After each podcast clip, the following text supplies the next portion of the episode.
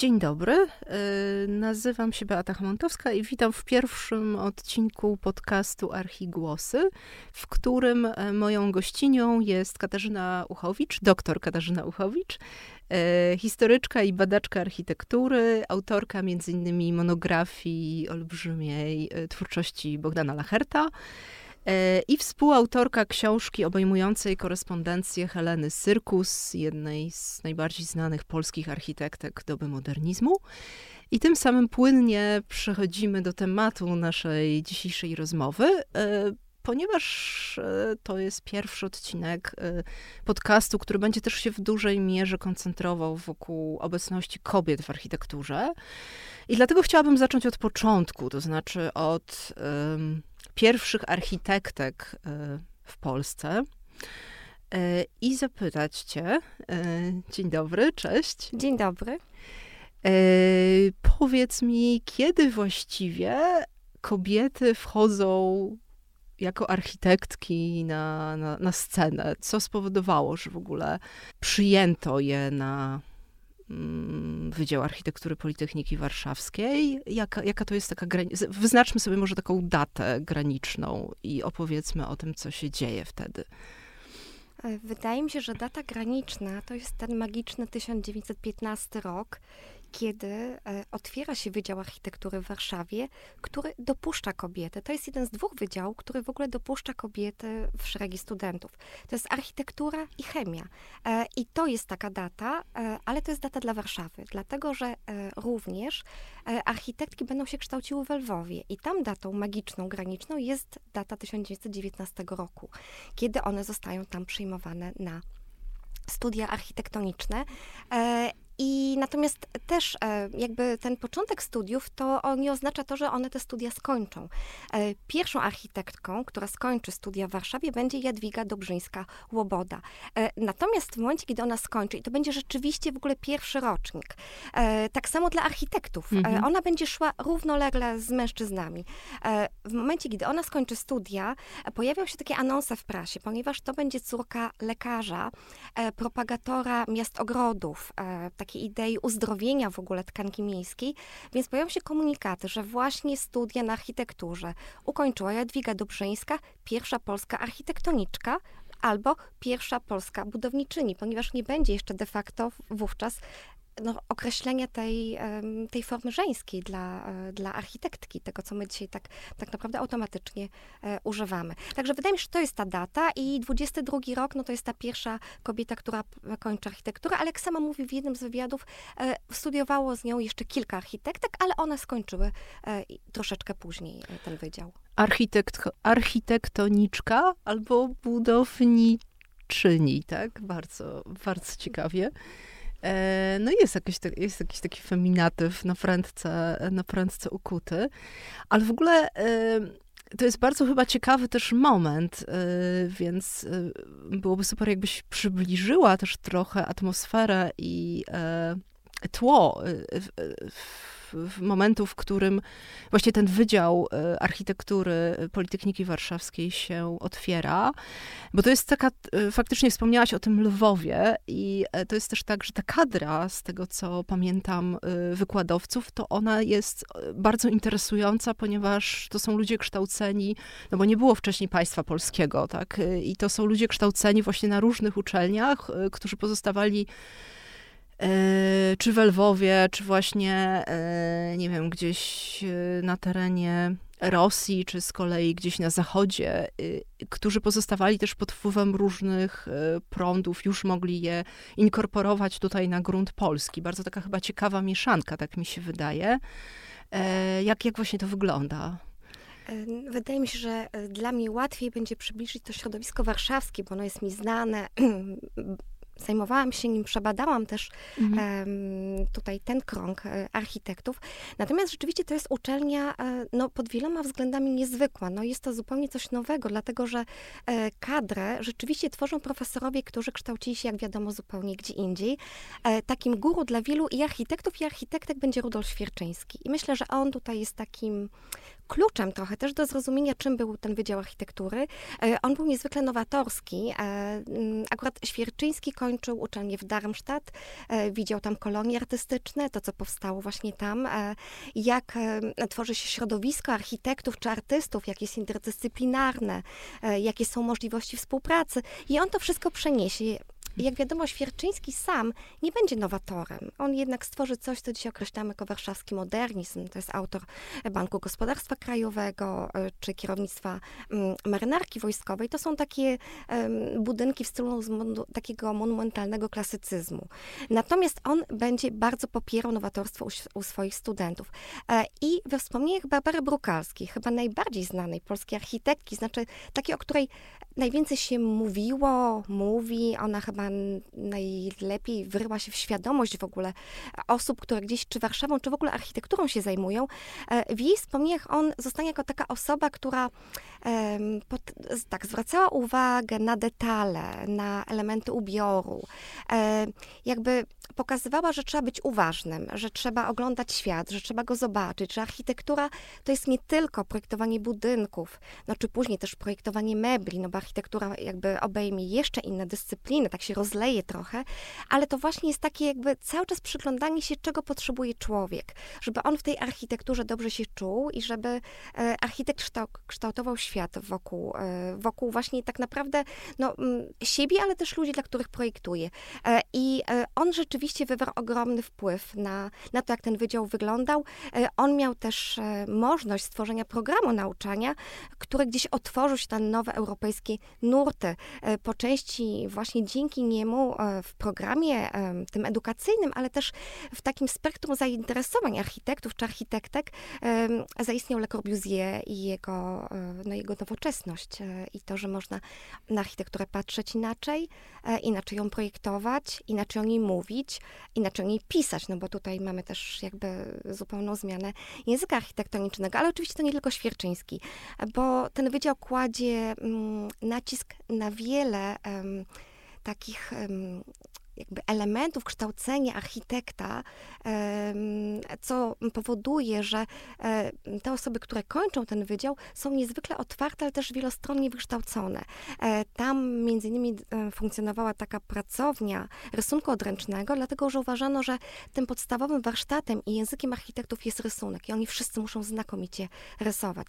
E, ten, ten wydział założył Zygmunt Kamiński, on jeździł z nimi na plenery, ale też kazał na przykład rysować ze zdjęć. To samo robił Oskar Sosnowski, który tak naprawdę wykładał architekturę polską, ale um, puszczał slajdy i w przeciągu kilku sekund trzeba było jedną kreską narysować, co na tym slajdzie było. Także e, w ogóle tutaj e, hmm. w ogóle jest bardzo ciekawe to, jak ten wydział funkcjonował nie tylko jakby, jeśli skupimy się na nazwiskach, ale też na takiej pewnej formule, tym warsztacie. E, wydaje mi się, że on był bardzo, bardzo nowoczesny, ale też właśnie kształtował taką, taką no, osobowość e, niezwykle otwartą. Mhm. Tak, bardzo, bardzo to jest ciekawe. A jak w ogóle dopuszczono kobiety? Jaka to, to była decyzja, żeby dopuścić kobiety, z czego ona wypływała do, do studiowania architektury? I jak je pozyskiwano? To znaczy, to był jakiś taki nabór, informacja, która poszła gdzieś w w eter? Jak, jak to wyglądało? Znaczy, wydaje mi się, że to jest takie troszeczkę na, na, jakby na fali tej postępowości. To jak tutaj jeszcze jakby nie mówimy o prawach wyborczych, ale już wydaje mi się, że taki cały entuzjazm e, kobiet, ale w ogóle, że jakby tutaj jest możliwość no przede wszystkim zdobywania edukacji, takiej, no, dziś, znaczy chyba wówczas uważano ją za edukację postępową. E, to będzie widoczne już w latach dwudziestych, jak właśnie e, wśród w ogóle kobiet, wśród działaczek będą takie dwa nurty.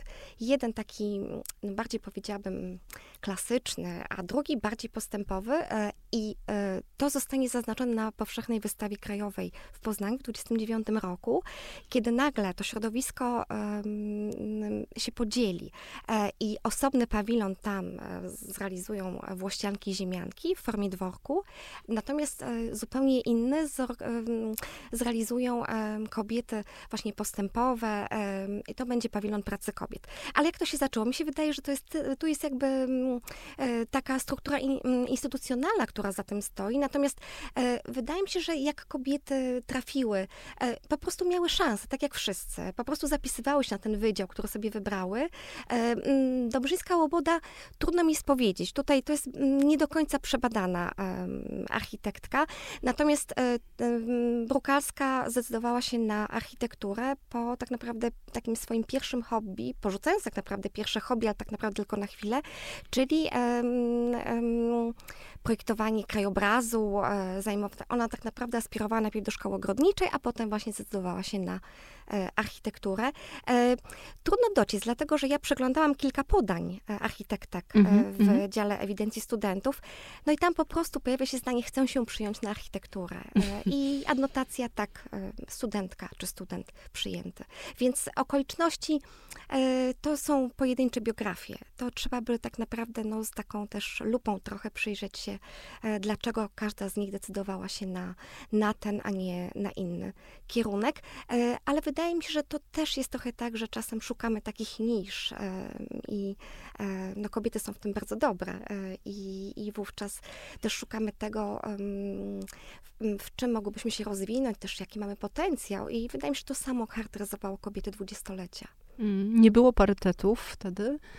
E, ale też przyszło mi do głowy, że być może część z nich e, właśnie miała jakieś uzdolnienia do mm, manualne, takie do rysunku na przykład, czy malarstwa i zamiast pójść na ASP i zostać artystką, to może wybierały taki bardziej praktyczny, użytkowy zawód, ale to jest czysta spekulacja, która mi się teraz pojawiła w umyśle. A z jakich one się środowisk wywodziły, te pierwsze kobiety? Bo tutaj też e, chyba mamy trochę rozrzut. E, ty już wspomniałaś, że później mamy te środowiska ziemiańskie, a z drugiej te postępowe. Jak tak sobie myślę, przejdziemy też do tych osób, tak? O Helenie Syrkus e, chociażby, czy Brukalskiej. To, to, są, e, to są bardzo ciekawe, różne środowiska trochę, ale nie są to też osoby z niższych warstw społecznych. E, tak mi się wydaje. Czy się mylę? Czy były takie przypadki? E, nie, wydaje mi się, że nie. E, tutaj no, Dobrzyńska jest córką lekarza. Mm, wywodzi się z środowiska ziemiańskiego, ale też to jest taka dosyć skomplikowana biografia, bo ona dosyć wcześnie traci matkę, więc później no, zostaje na utrzymaniu ojca, ale decyduje się na architekturę. Tutaj wiem, że jest wspierana przez rodzinę.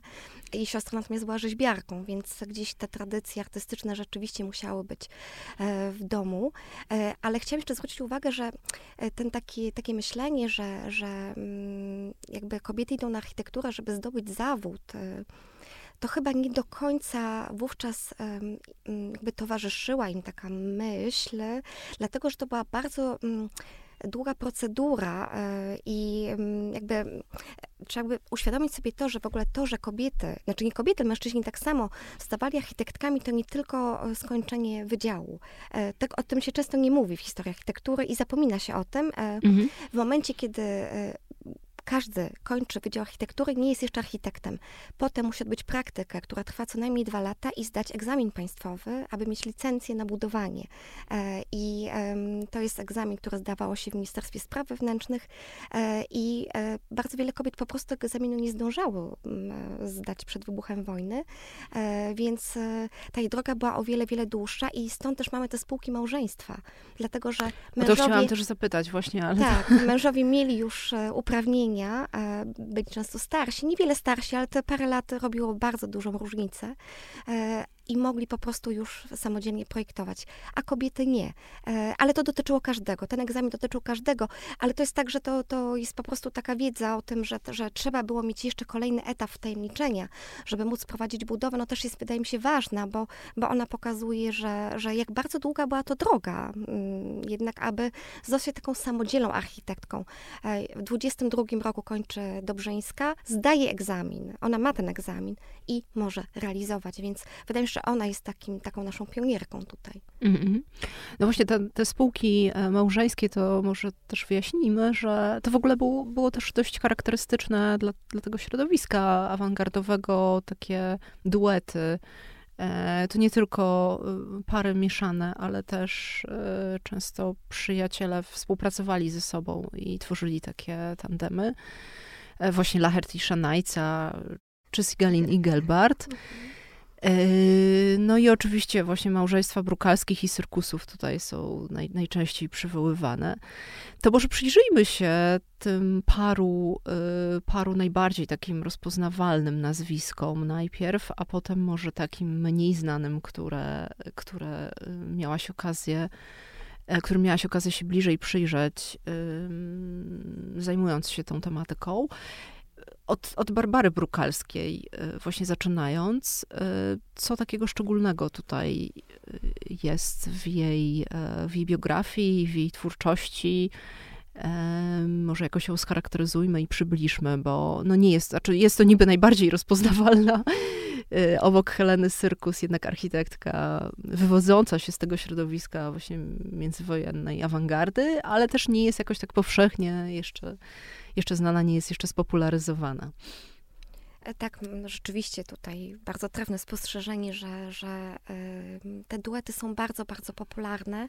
E, też zastanawiałam się kiedyś, dlaczego tak jest. E, no ale podobnie jak mówił Lech Niemojewski, po prostu w pojedynkę nie dało się projektować wtedy architektury. No to, to są zupełnie inne warunki, bo e, tych projektów jest bardzo dużo, e, które składają się na jedną realizację. Są to projekty wstępne, potem realizacyjne, e, no, kontakty z inwestorami, że ten cały proces był bardzo pracochłonny, wymagał dużo czasu, ale też różnych kompetencji, bo tak jak wspomniałaś tutaj Lacherta i Szanajce, to też podobno było tak, że tutaj kontakty z klientami, za kontakty z klientami odpowiadał Lacher, bo był bardziej osobą bardziej kontaktową, natomiast Szanajca był tym mózgiem tutaj i taką dbał jakby też o finanse, ale też e, on ustawiał pracę, on tę pracę organizował, prawda? Więc... -hmm. To jeszcze się wtrącę, że tam w ogóle to nie było też tak, e, z tego co pamiętam, że oni e, sami w, tą, w dwójkę pracowali, ale mieli jeszcze całe grono takich pomagierów w zespole i też korzystali, z tego co pamiętam, z jakichś kursów żeńskich, z absolwentek czy studentek kursów żeńskich. W każdym razie mieli jeszcze osoby, które im pomagały, bo inaczej by nie byli zdolni takiej ilości projektów wytworzyć w tak krótkim mimo wszystko czasie, więc to nie było do końca tak chyba też, to były tylko, tylko duety. Prawda? Oczywiście, że tak i to właśnie tutaj jakby drugi temat się pojawił, bo do Brukalskiej ja zaraz wrócę, natomiast mhm. rzeczywiście te właśnie te e, kreślarki, które były mhm. za, zatrudniane przez Lacherta i Szanajce, to było często 10 albo 11 kobiet i to jest cała szara strefa. E, nie powiem architektek, ale kreślarek. E, e, a te kursy architektoniczne, które później nazywały się imienia Stanisława Nowakowskiego, ponieważ on wykładał na tych kursach, ale bardzo krótko, bo on po prostu zmarł w końcu w lat dwudziestych, to były bardzo popularne kursy wśród kobiet. One do dzisiaj są określane jako szkoła żon bo ona e, po prostu wiele z absolwentek mhm. później e, wiązało się z architektkami, z architektkami, przepraszam, z architektami e, i nie kończyły mm, architektury, natomiast, natomiast no, współpracowały w pracowniach z mężami i właśnie no, wykonywały tę, tę pracę no, rysunkową. Także to jest w ogóle bardzo ciekawa historia, to jest taka szara strefa kobiet do dzisiaj nierozpoznanych i w ogóle ten temat nie do końca jest rozpoznany. Ja się troszeczkę nim zajmowałam, mhm. natomiast no, to są nazwiska, o których znaczy niewiele możemy tak naprawdę powiedzieć, e, które kobiety e, dokładnie, może poza paroma, e, później zajmowały się architekturą, ale szkoła istnieje do dzisiaj, jakby temat jest otwarty. Ale Barbara Brukalska, tak, Barbara Brukalska, która bardzo długo studiowała, w jej teczce studenckiej jest kilka co najmniej podań, że chciałaby prosić o przedłużenie studiów, bo musi zająć się dziećmi.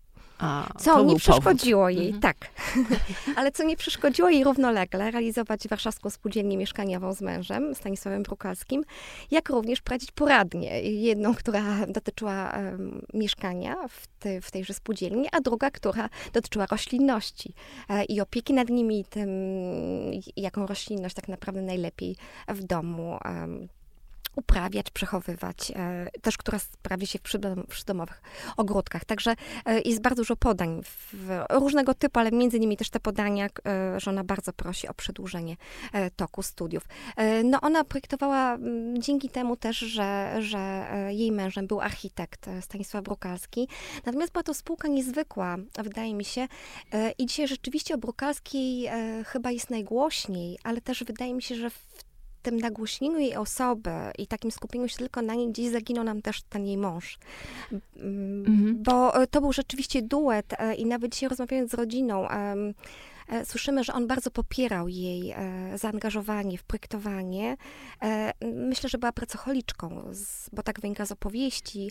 Ewidentnie architektura była jej pasją, ale ona odnalazła też marginesy tej architektury, je wyeksponowała, otworzyła kobietom drogę do e, myślenia w ogóle innymi kategoriami o tym, czym jest projektowanie. No bo meble, prawda, to, to brukalska, bo ogrody to brukalska, bo wystawiennictwo to brukalska, bo projektowanie dla dzieci, bo poradnictwo, to wszystko jest ta jedna osoba.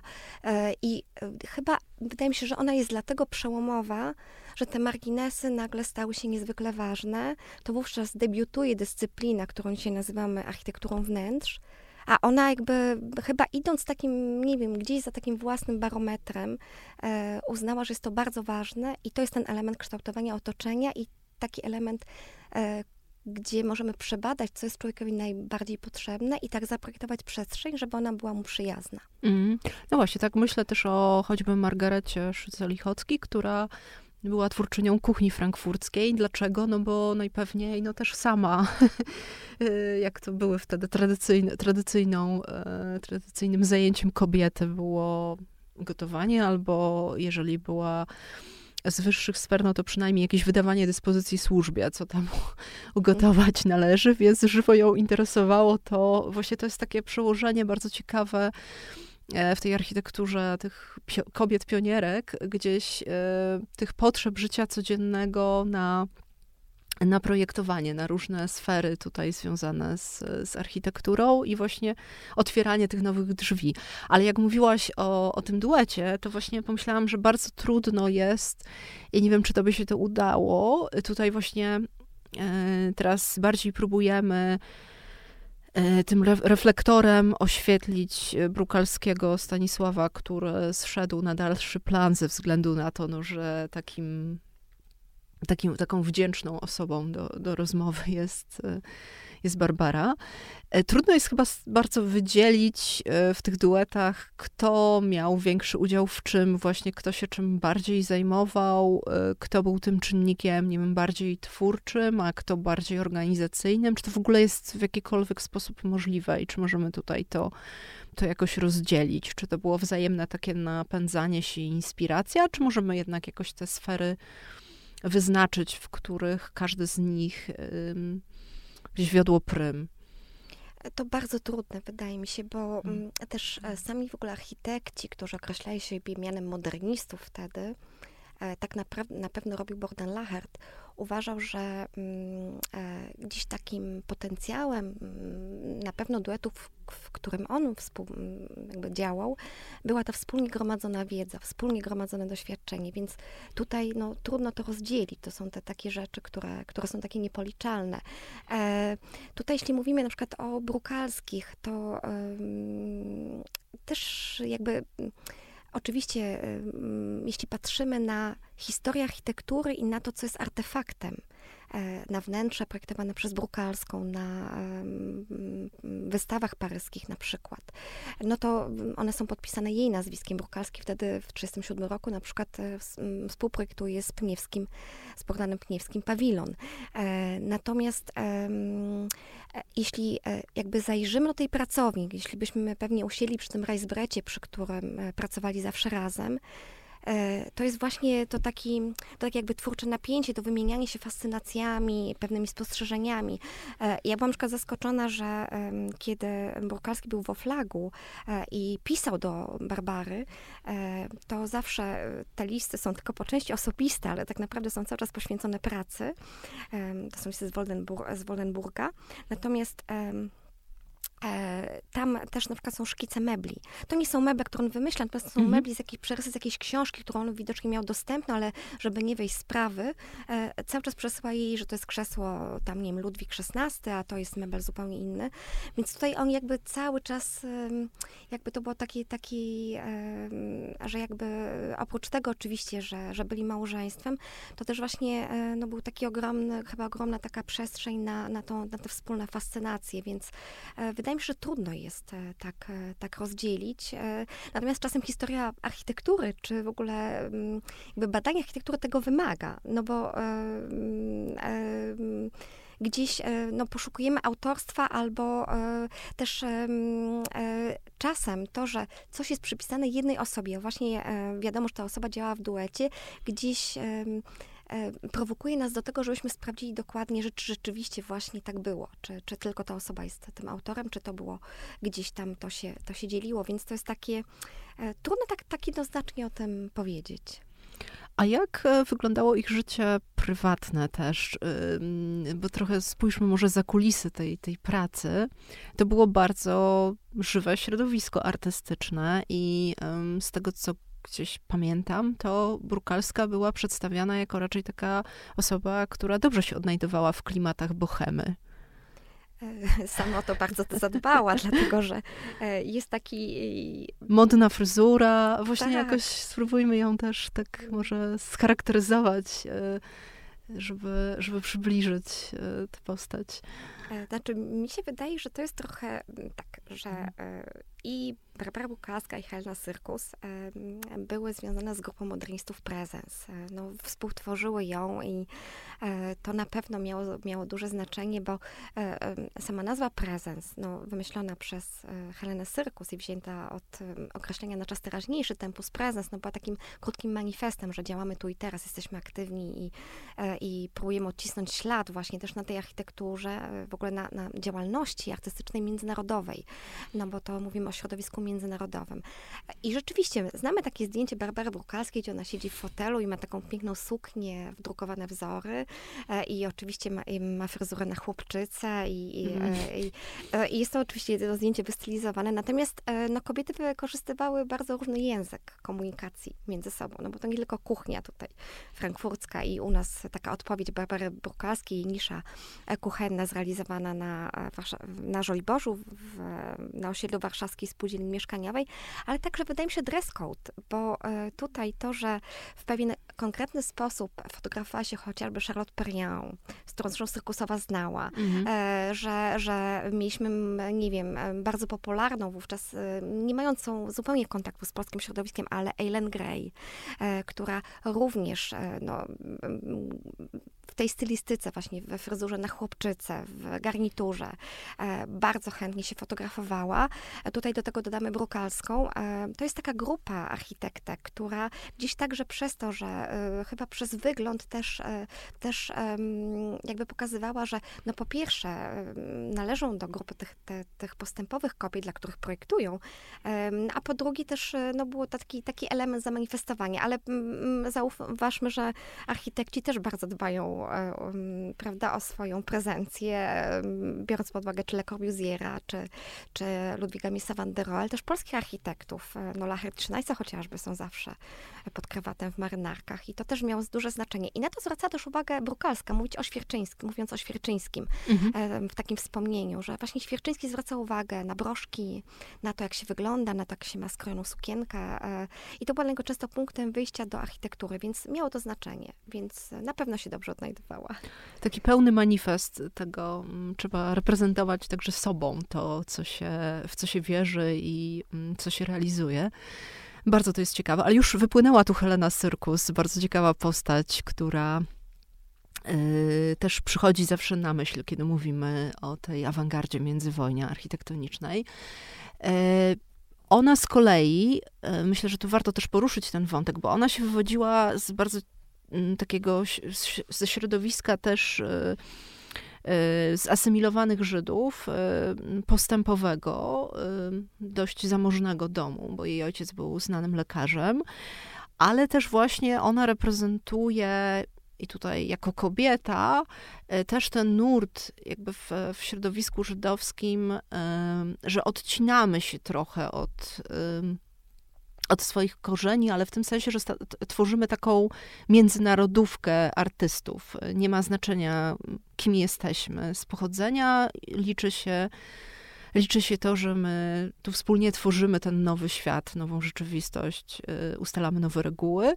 I y, ona występowała, to jest bardzo ciekawy też element chyba w jej, w jej biografii, że pod nazwiskiem Niemirowska i z, właściwie jak to było? Czy w Warszawie było, było e, po pierwsze, czy wiedziano o tym, kim ona jest i e, czy, czy to był jakiś taki świadomy zabieg e, właśnie związany z tym, o czym powiedziałam, żeby trochę tą swoją tożsamość zakryć, co później być może pomogło jej w, w okresie okupacji. No tak, to jest przykład architektki, która bardzo um, o bardzo ciekawej biografii, ale też bardzo niejednoznacznej, bo Helena Syrkus bardzo dużo swojej biografii pozmieniała i tak naprawdę badania ostatnich lat pokazują tą jej rzeczywisty, ten jej rzeczywisty życiorys e, i mm, wydaje mi się, że to jest bardzo pomocne też w ocenie jej postaci, bo to bardzo kontrowersyjna postać, szczególnie przez swoją tutaj działalność powojenną. Mhm, e, tak, bardzo do tego też, tak. Mhm, do, bardzo... tej, do tego powojnia też, co się mhm. dzieje z architektkami, to też chciałabym wrócić za chwilę, ale. E, natomiast e, rzeczywiście tutaj Helena Syrkus e, była córką Izaka Eliasberga, przyjaciela Janusza Korczaka, natomiast Eliasberg zmarł dosyć wcześnie, zmarł w 29 roku. Ona miała cztery siostry i później rzeczywiście w biografiach swoich własnych, pisanych przez siebie, podawała zupełnie inne imiona rodziców podawała, że właśnie jest córką mm, Niemirowskiego, Ignacego Niemirowskiego e, i nauczycielki. Natomiast jej matką była Stella Bernstein, no a ojcem był Isaac Eliasberg. E, I jej prawdziwe nazwisko pojawia się w jej indeksie mm, jako Helena Eliasberżanka, natomiast w tym indeksie nie ma żadnego stopnia ponieważ e, Srokusowa bardzo długo się zastanawiała chyba nad e, kierunkiem, któremu chciałaby się poświęcić. E, wydaje mi się, że też dosyć wcześnie musiała jednak tutaj radzić sobie ekonomicznie po, po śmierci ojca, z tego, z tego co, co, co mi się wydaje. I ona rzeczywiście używa nazwiska Niemirowska, to jest jej pseudonim literacki. Pod tym pseudonimem tłumaczy. Ona ma dwie na pewno pozaarchitektoniczne zupełnie zdolności niezwykłą łatwość do języków obcych, bardzo szybko mm. uczy się języków, zna ich kilka. Co jej pomoże w nawiązywaniu różnych kontaktów, między tak. innymi z Corbusierem czy Picassem. Tak. Mhm. Czy zostanie sekre sekretarzem um, Kongresu Architektury Nowoczesnej, czyli słynnych Siamów. Mm. E, to jest jedna rzecz. Druga też posiada umiejętność pisania na maszynie, stenografowania, stenotypii. E, znakomicie to opanowała i jej atrybutem stanie się maszyna do pisania. Będzie jeździć z tą maszyną właśnie na te kongresy. E, no i też pozwoli to na pewno brać w nich udział, no i widzimy ją często na zdjęciach właśnie w otoczeniu czy Waltera Gropiusa, czy Le Corbusiera. Ale wracając do tej tożsamości, e, właściwie no... Um, Także po wojnie ona nie zdradzała swojego prawdziwego nazwiska. To było chyba jakieś też napięcie środowiskowe, dlatego że jak czytamy na przykład jakiekolwiek biografie na przykład wydawców e, pochodzenia żydowskiego, mm, nie wiem, jak Mordkowicza chociażby, to na przykład tam pojawia się taki rys, że właśnie gdzieś było takie dążenie e, wielu ludzi z, gdzieś zaangażowanych artystycznie do asymilacji, e, do przynależenia do tej polskiej kultury. To jest oczywiście pytanie otwarte i taka kwestia otwarta, tu trudno tak jakby jednym słowem powiedzieć dlaczego. Natomiast na pewno też jakby w tym nurcie działała działała, e, działała cyrkusowa e, i ona mm, to nie tylko znajomości ze świata architektury, tutaj świetnie funkcjonowała i w międzynarodowym środowisku i tutaj właśnie w grupie Prezens, e, natomiast także w tym środowisku Skamandra na przykład wcześniej, więc na pewno była taką osobą, która umiała skupiać wokół siebie ludzi. Natomiast to, że została architektem, tutaj kluczową postacią jest jednak Szymon Syrkus, który zatrudnił ją w swoim biurze. E, na, po, na początku tylko właściwie do, do, jako sekretarka, czyli do prowadzenia tych właśnie prac biurowych, które znakomicie się sprawdzała. Natomiast no, później e, bardzo szybko e, zostali małżeństwem i ona z nim stworzyła spółkę architektoniczną. E, Syrkosowa nie skończyła architektury przed wojną, tylko Tak, właśnie to też jest taki mhm. kontrowersyjny element dość jej biografii, tak. że później, mm. kiedy już pełniła była znana w środowisku, pełniła różne funkcje, tak. ona dopiero formalnie przypieczętowuje tą swoją tak. edukację. Ale to jest też przykład tego, jak właśnie e, wykształcony architekt i ktoś, kto nie miał wykształcenia, no mógł doskonale funkcjonować w tej rzeczywistości, e, prawda? Bo... No nie trzeba daleko szukać, przecież e, Józef Sigalin też nie miał, mimo, mimo że no, funkcjonował już jako architekt, nie miał przecież do pewnego momentu przypieczętowanego tego z formalnym wykształceniem, formalnym dyplomem.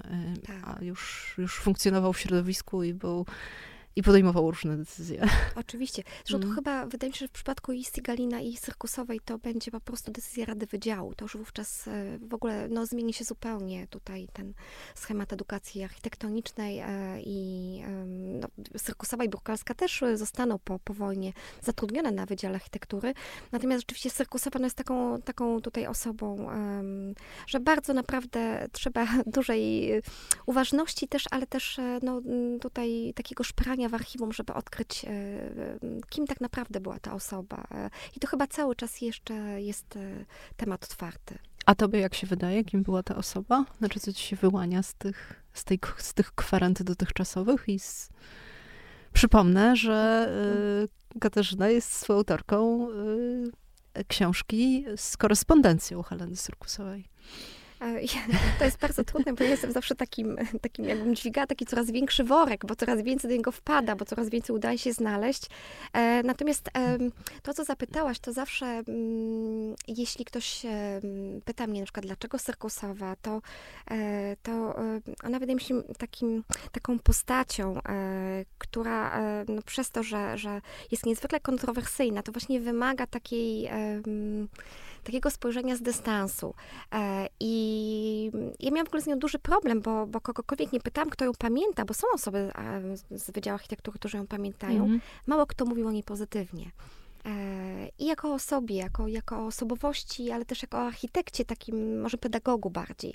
Ale z drugiej strony znalazłam jej dzienniki, e, gdzie e, ona pisze cały czas, że jest zaangażowana w różnego rodzaju sekcje, czy warszawianistyczne, czy takie koła studenckie. I ona cały czas tam jest ważną osobą. Ona przyjaźni się z Haliną Skimniewską bardzo. Promuje ją. Skimniewska napisze u niej doktorat, więc tutaj to popieranie kobiet no, jest po stronie, po stronie Syrkusowej.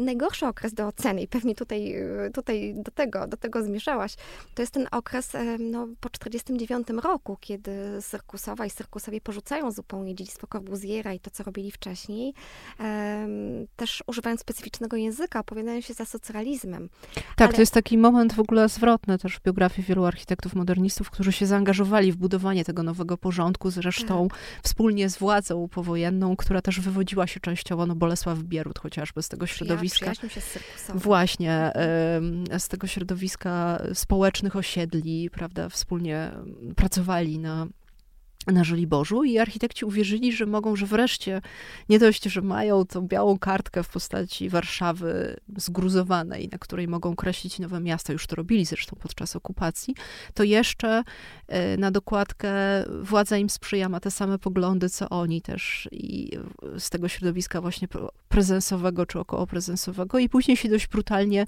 zderzają z rzeczywistością w tym 49 roku, kiedy mamy krajową naradę architektów i wszyscy tam muszą złożyć samokrytykę i przejść na nowe wyznanie pod, pod nazwą socrealizm. I faktycznie cyrkusowie tutaj yy, no, są znowu w awangardzie, jeśli o to chodzi, ale. Jest to nacechowane negatywnie dla, dla, dla wielu osób oceniających to później. I angażują się też yy, czynnie w tworzenie tego systemu i go umacnianie także na, na uczelni, prawda? I to jest jakby ten kontrowersyjny element w, w, w, ich biografii i zwłaszcza Heleny. No tak, ale teraz e, tak właśnie, e, tak, bo to jest taka właśnie, to jest historia architektury, prawda, że, że czytamy ją w ten sposób, ale E, ja zawsze gdzieś mam na uwadze to, że Syrkusowa e, miała jakby zawsze świadomość tego, czym jest język. I też e, ta ocena ich zwrotu, bo to tak jest w przypadku właśnie, tak jak powiedziałaś, wielu architektów, ale to, jakiego oni używali języka, właśnie to jest samokrytyce, takiego bardzo dosadnego i takiego jakby, żeby jakby odciąć się jakby tak, taką bardzo grubą linią tego, co było, zawsze mnie zastanawia, bo, bo ona mhm. no, znakomicie tutaj funkcjonowała nie tylko w obcych językach, ale też w języku rodzimym i znała jego siłę. E, natomiast e, trzeba też pamiętać, że to są pracocholicy. E, oni poza pracą nic nie mieli.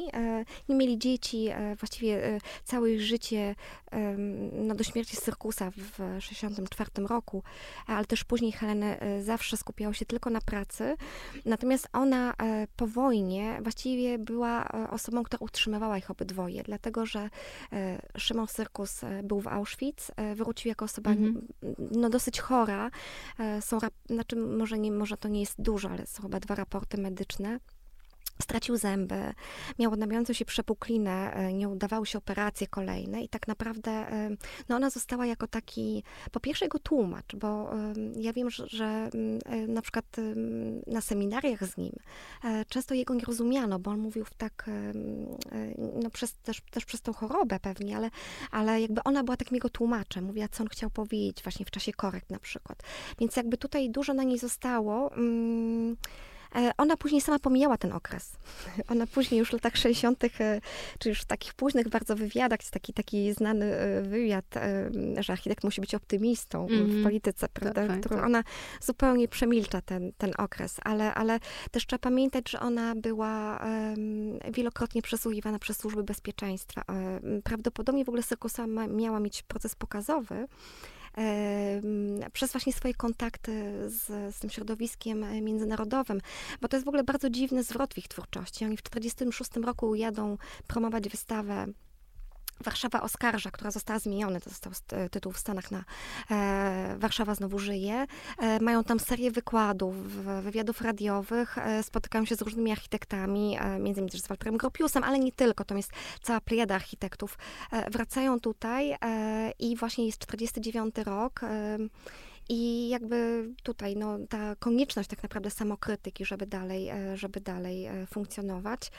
Później właśnie ona jest wielokrotnie wzywana e, i przede wszystkim za kontakty z Renem Fieldem, ale właśnie z amerykańskimi architektami. I jakby mm, ja czytałam te, te raporty z przesłuchań, przesłuchuje ją nikt inny jak Anatol Feigin. To jest ten najwyżej ustawiony funkcjonariusz. Więc tym jakby też zastraszeniu tej chorobie męża, jakby mhm. też wydaje mi się, że trzeba zawsze e, gdzieś szukać, e, bo to nie ma odpowiedzi, czy dlaczego chyba, czy takiego jednoznacznego wytłumaczenia, ale to są też ludzie, e, prawda? Więc, no, trzeba by się było e, być w ich skórze i tak. postawić w konkretnej sytuacji. Nie wiadomo, co byśmy zrobili. No Właśnie, to jak, tak, jak tak. nas, wiemy o sobie tyle, co nas sprawdzono, prawda? Oczywiście, oczywiście. Ale więc... to, to jak, jak to środowisko? No bo Helena była taką, wydaje mi się, z tego, co, co ty wiesz, oczywiście znacznie więcej, ale wydaje mi się, że ona była taką trochę obieży świadką. W ogóle lubiła e, towarzystwo, zwłaszcza lubiła towarzystwo międzynarodowe, lubiła się obracać w tym świecie awangardowym. E, I e, jak ci jej przyjaciele, bo to, to przecież byli przyjaciele, Gropius czy inni architekci zachodni, zareagowali na to, na ten zwrot dość radykalny wymuszony sytuacją polityczną i jak później się układała ich znajomość, jak, jak, jak to wyglądało, bo y, no to dla kogoś z zewnątrz to musiało być szokujące. E, tak, i rzeczywiście tak było. Natomiast jeszcze tutaj w przypadku tych przyjaźni, rzeczywiście ona znakomicie się odnajdywała w, tych, w tym środowisku. Nawiązała szereg przyjaźni, bo e, przyjaźniła się z, z Walterem Gropiusem też, ale z Izę Gropius, z żoną e, Gropiusa. Przyjaźniła się bardzo z Cornelisem van Esterenem, czyli naczelnym architektem Amsterdamu i z jego żoną Fridą Fluk.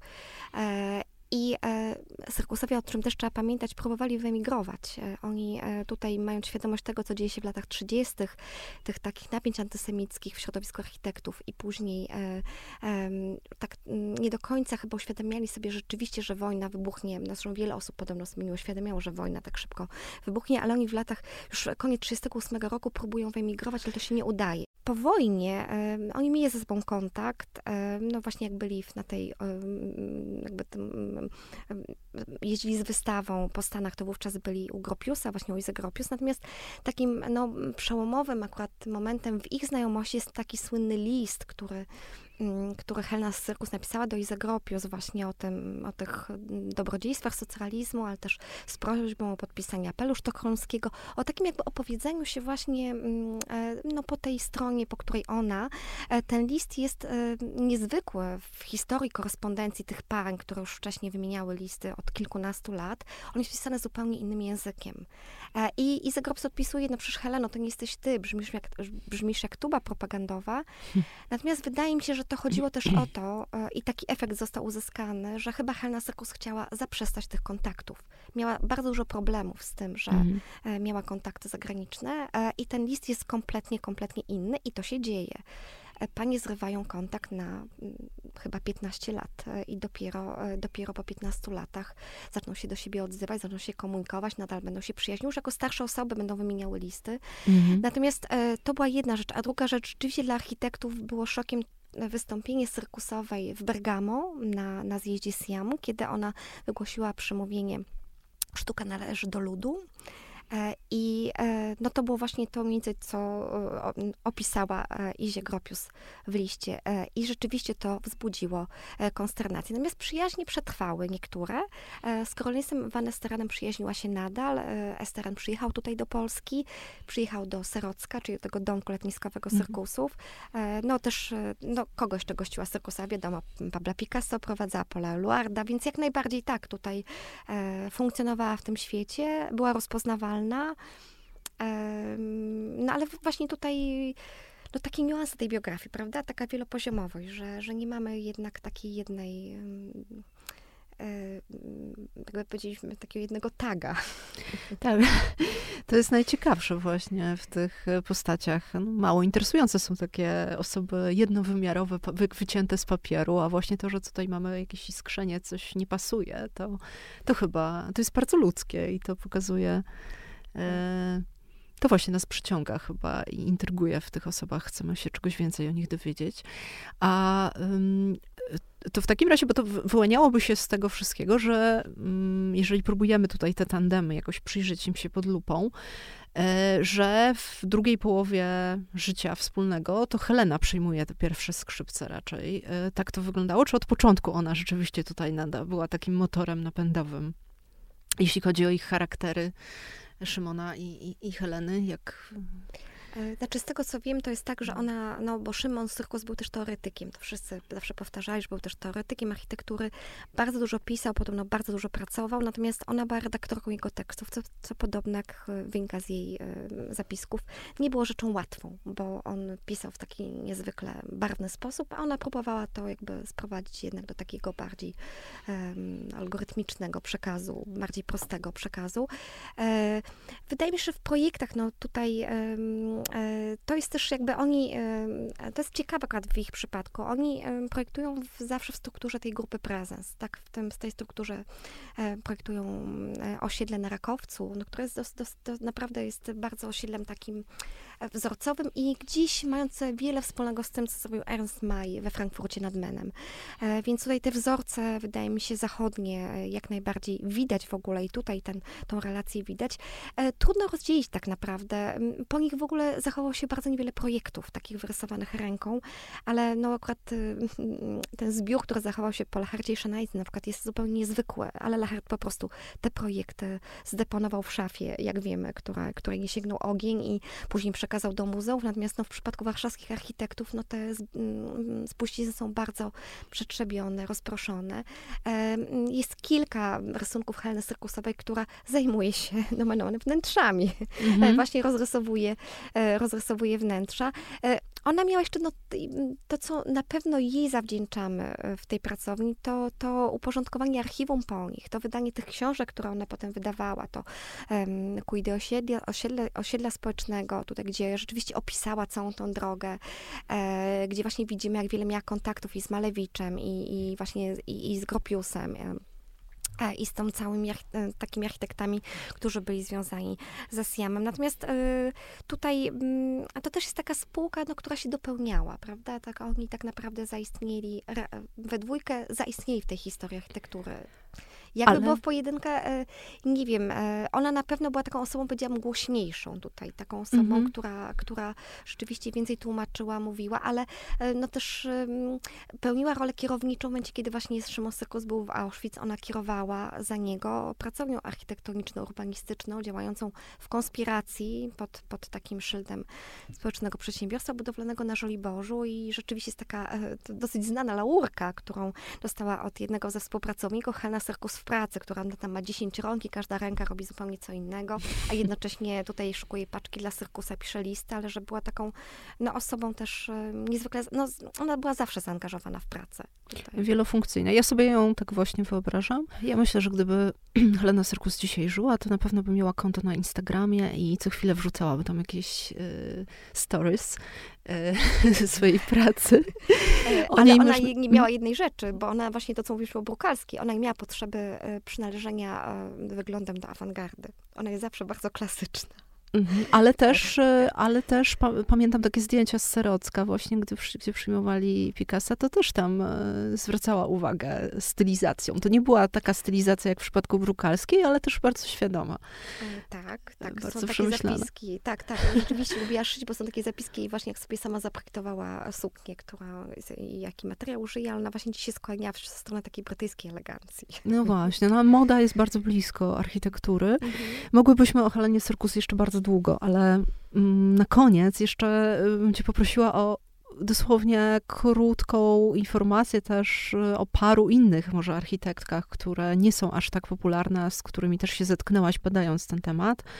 Anatolia Chryniewicka-Piotrowska tam się pojawia, ale też są inne panie, tak z, dosłownie w paru zdaniach, żeby im też oddać tutaj sprawiedliwość y, wśród tego grona pierwszych architektek.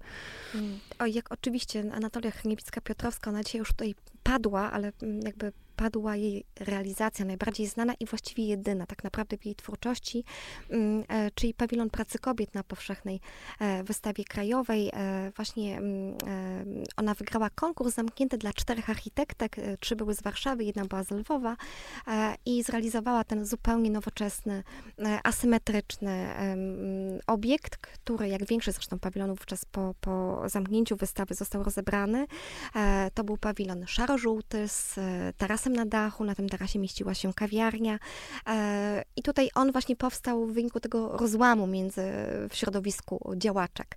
E, więc e, tak naprawdę jej nazwisko kojarzymy zawsze z tym pawilonem i ona też jakby no, do tej historii architektury dzięki tej realizacji, ale rzeczywiście niezwykłej, bardzo ciekawej, odważnej weszła, mm, więc na pewno o niej należy pamiętać. Ona była też czynna powolnie, między innymi w Biurze Odbudowy Stolicy, ale nie, ma, nie możemy już mówić o żadnej takiej realizacji organizacji, która ma taką siłę, jak, jak ten pawilon pracy kobiet w Poznaniu.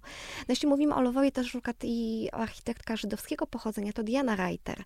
Mm, to jest architektka krakowska, mm, o też niezwykle ciekawej biografii, to jest właściwie po niej zostały ślady, które e, odkopała Barbara Zbroja. Jej postać została opisana w tej książce architektki, no to też jakby tam zostało przybliżonych kilka postaci.